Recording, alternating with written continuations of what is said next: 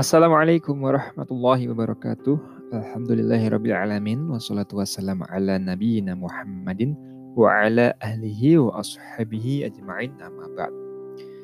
Kembali kita akan menyimak sirah nabawiyah yang ditulis oleh Martin Links. Masuk pada bab kedua, yaitu kehilangan besar.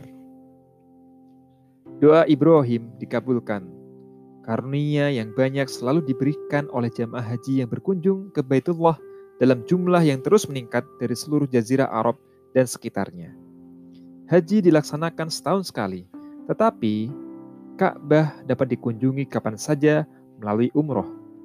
Ritus-ritus haji dan umroh dilaksanakan dengan taat dan tekun sesuai dengan aturan yang diajarkan oleh Ibrahim dan Ismail.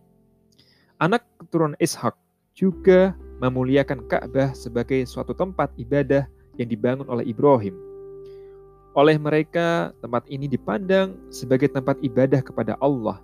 Namun, dengan berlalunya waktu, kemurnian ibadah kepada Allah terkontaminasi dan mengalami penyimpangan.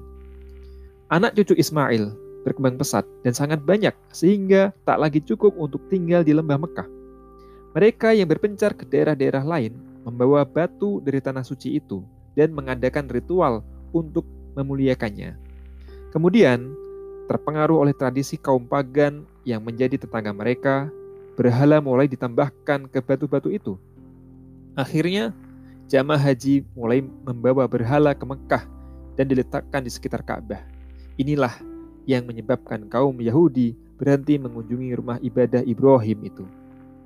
Kaum penyembah berhala itu mengklaim bahwa berhala sebagai penghubung antara manusia dan Tuhan. Akibatnya, pendekatan mereka kepada Tuhan menjadi berkurang dan tidak langsung.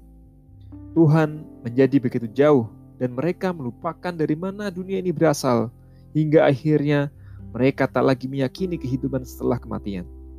Namun, ada suatu tanda yang menunjukkan dengan jelas bahwa mereka telah meninggalkan kebenaran mereka tak lagi punya akses ke sumur zam-zam. Bahkan tak tahu lagi di mana sumur itu terletak.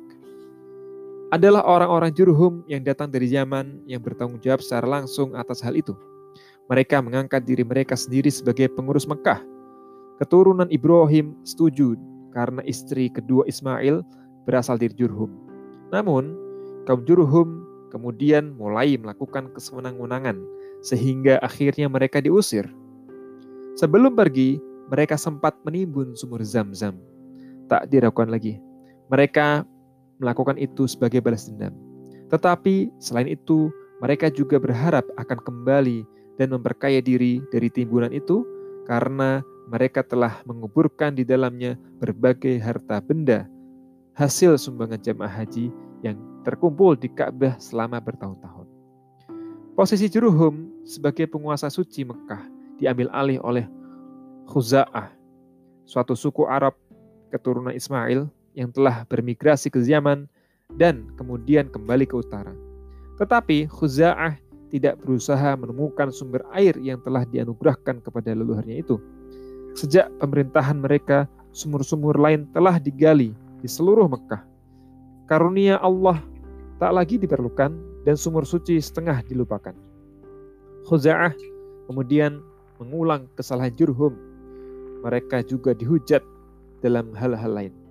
Seorang kepala suku mereka dalam perjalanan pulangnya dari Suriah meminta kaum Moabit untuk memberikan satu berhala mereka.